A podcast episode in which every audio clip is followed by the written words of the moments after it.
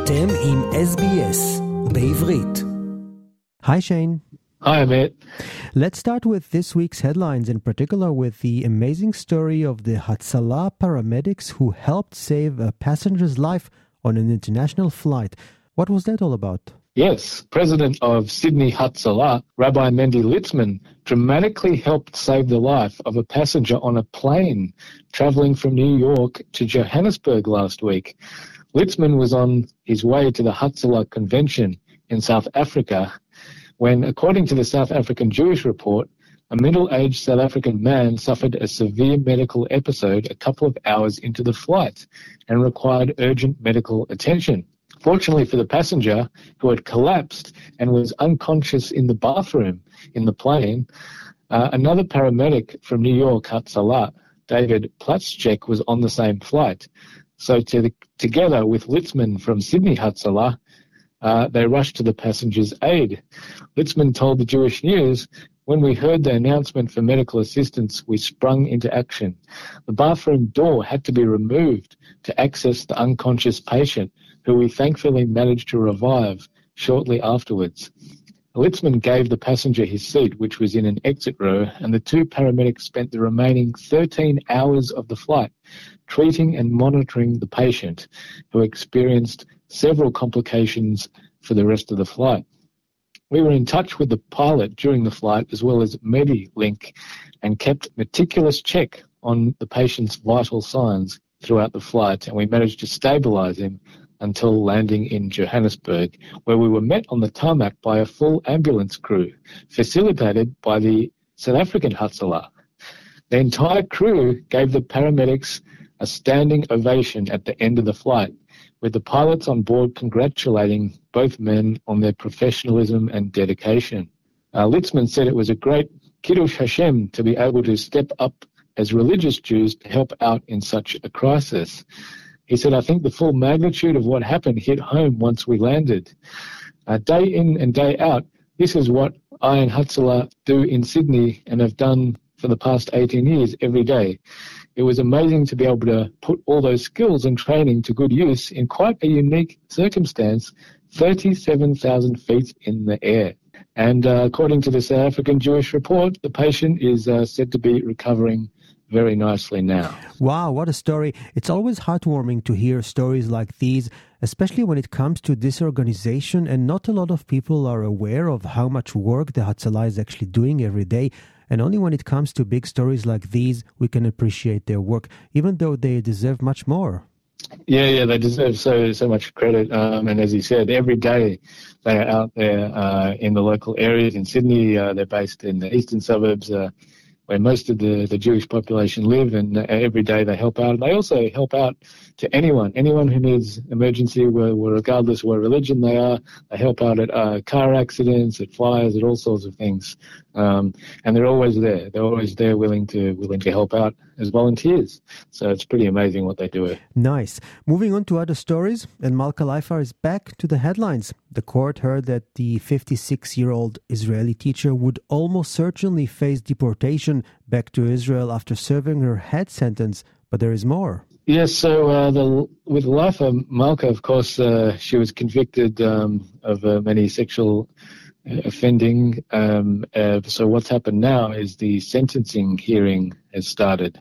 So of course in April a, a county court jury found Malka Leifer guilty of 18 out of 27 charges against her, including rape, indecent assault and sexual penetration of a child aged 16 or 17 relating to incidents in 2004 and 2007 uh, until then, um, while she was principal of Adass Israel School in Melbourne. So at this uh, sentencing hearing, which started last Wednesday at the county court, um, Dassi Erlich uh, said, Malka you shattered my trust and stole my body and altered my life's course, but you could not break my spirit. Um, attendees at the hearing sat hushed while Leifer, due to be sentenced, followed proceedings by video link from prison, sitting expressionless as Erlich and her sister Elly Sapper read their victim impact statements in court. Uh, Judge Mark Gamble allowed Erlich to read her statement from the lectern in visual contact with the convicted former Adass Israel principal. Erlich stated, I was forced to sever the connection to my physical self in order to survive. I was set up for future harm as I entered abusive situations blinded because of her sexual abuse. Co-complainant Elly Sapper, Erlich's sister, told the court, growing up in a home devoid of love and affection, my heart yearned for love, and when confronted with the painful truth that her love wasn't real, was a betrayal of such magnitude, it left me utterly broken. Sapper revealed she had a miscarriage six days before the jury gave its verdict, and she said, I will never know if the stress, worry, and anxiety played a role in the loss of my little girl. Uh, the sentencing hearing before Judge Gamble is continuing. Mm. And that's the Malka Leifer story, a story that keeps making headlines. You can read more about it on this week's edition of the Australian Jewish News. Moving on to a different topic now with some news about Mount Sinai Primary School in Sydney and a well deserved farewell to its principal. Sure, sure. So in Sydney, in the southeastern suburbs, there was a massive audience of more than 600 people flocking to Mount Sinai College Primary School uh, last Sunday afternoon to honour, thank, and personally offer a hearty mazel tov to the school's principal for the last 22 years and staff member for the last 33 years, Phil Roberts, at his retirement reception. Deputy Principal Garen Foreman said the massive turnout on the day is a testament to the profound impact Phil has had and the deep admiration and respect we all hold for him. There were many special guests, including longtime his longtime predecessor, Harry Table, and uh, there was the local mayor of Randwick, three MPs, and many, many families and former students at the school. Robert said, I could not have dreamed of this farewell. No words can convey my gratitude and my sense of emotion right now. Expressing pride in being a non-Jewish principal of a Jewish school for so long, and, uh, and uh, he said, it's truly had an impact on who I am. Before joking, I probably have more rabbis saved in my phone's contacts than all of you here. He said, What has happened most to me in working with colleagues when educating kids is who they've become more than what they've become.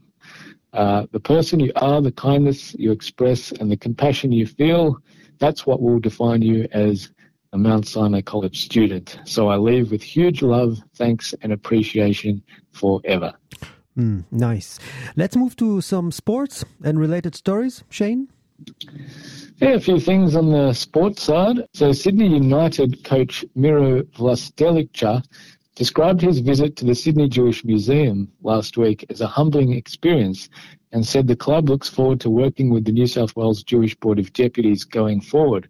Now, of course, last year, Football Australia issued uh, Sydney United Soccer Club with a $15,000 fine as well as several suspended sanctions over the next three years after fans, their fans were caught performing Nazi salutes during the Australia Cup final match against Macarthur FC, and one fan at that game was also seen waving the Ustasha flag, which is a symbol of the Croatian pro-Nazi regime. Three men were subsequently charged under New South Wales laws and were banned from attending any Football Australia sanctioned matches for life. So uh, Sydney United's visit to the Sydney Jewish Museum, where representatives met with uh, New South Wales Jewish Board of Deputies CEO Darren Bark, was part of the club's way of starting to make amends through compulsory education and training with Jewish and First Nations group. Vlastelica said the visit was very informative and educational about the struggles that people of Jewish faith and other different nationalities faced not only during the war, but post war as well. Uh, he said, for someone who has never really delved into history too much, I can only say that a visit to the museum is definitely uh, educational and humbling experience and one that makes me feel grateful for what we have today. Bark said the meeting was a part of an ongoing process and he was glad to see the club's determination to tackle issues. And uh, staying, staying on the, uh, the sport related front, uh, and of course, with the Ashes series now underway in England, between Australia and England, the second test is uh, is on at the moment. Uh, a new exhibition about the Jewish community's relationship with cricket with an Australian angle has opened at the home, the traditional home of cricket, where the second test is being played, Lord's Cricket Ground. The exhibition, which features former Australian internationals Julien Wiener and Michael Klinger, was curated by Jewish Marylebone Cricket Club members Zaki Cooper and Daniel Lightman. And the official opening last week was attended by Marylebone Cricket Club President Stephen Fry, Chief Rabbi Sir Ephraim Mirvis, and former UK Prime Minister Theresa May. Klinger, who has donated his Perth Scorchers and Gloucestershire playing shirts to the exhibition, told the Jewish News he's happy to be a small part of it. There will be people flooding through this museum, he said, and going back over a long period in time, over a lot of sports, there have been some very good contributions from Jewish athletes, and cricket is one of them. Uh, the exhibition features the stories of well-known international and first-class cricketers from Australia, England, Ireland, South Africa, and the West Indies. And it features cricket clothing and equipment, art, books, video, and other material to tell the story of how the Jewish community has contributed to the game of cricket around the world. Former Test player Wiener, who was Australia's opening batsman against England in the 1979-80 Test series, and South African internationals Dennis Gamsy and Mike Mandy Yachad also attended the opening of the exhibition. Now, Yachad's tzitzit that he wore when batting for South Africa in the first one-day international they played against India after being readmitted to international cricket in 1991 is also included in the exhibition. Mm, nice. And to finish off, uh, applications are now open for the fourth cohort of the Launchpad Leadership Program, which is a flagship initiative of the Australian Jewish funders. And this latest iteration will see Launchpad Leadership move from a, being a fully virtual program to a hybrid model featuring an immersive three day in person retreat at a rural location in Victoria and four virtual sessions exploring themes uh, as collaboration, personal development, Jewish leadership, and fundraising. Upon completion of the retreat, participants will join the Launchpad Leadership Alumni Network. Applications close at midnight on Wednesday, July 5th. Uh, to apply, go to ajf.org.au slash launchpad slash leadership. Great opportunity for uh, many young, talented people who, who want to uh, aspire to greater things. Mm-hmm, absolutely. Go and apply now. Shane Desiatnik from the Australian Jewish News, thanks for your report and speak to you next week. Thanks very much. עקבו אחרינו והפיצו אותנו דרך דף הפייסבוק שלנו.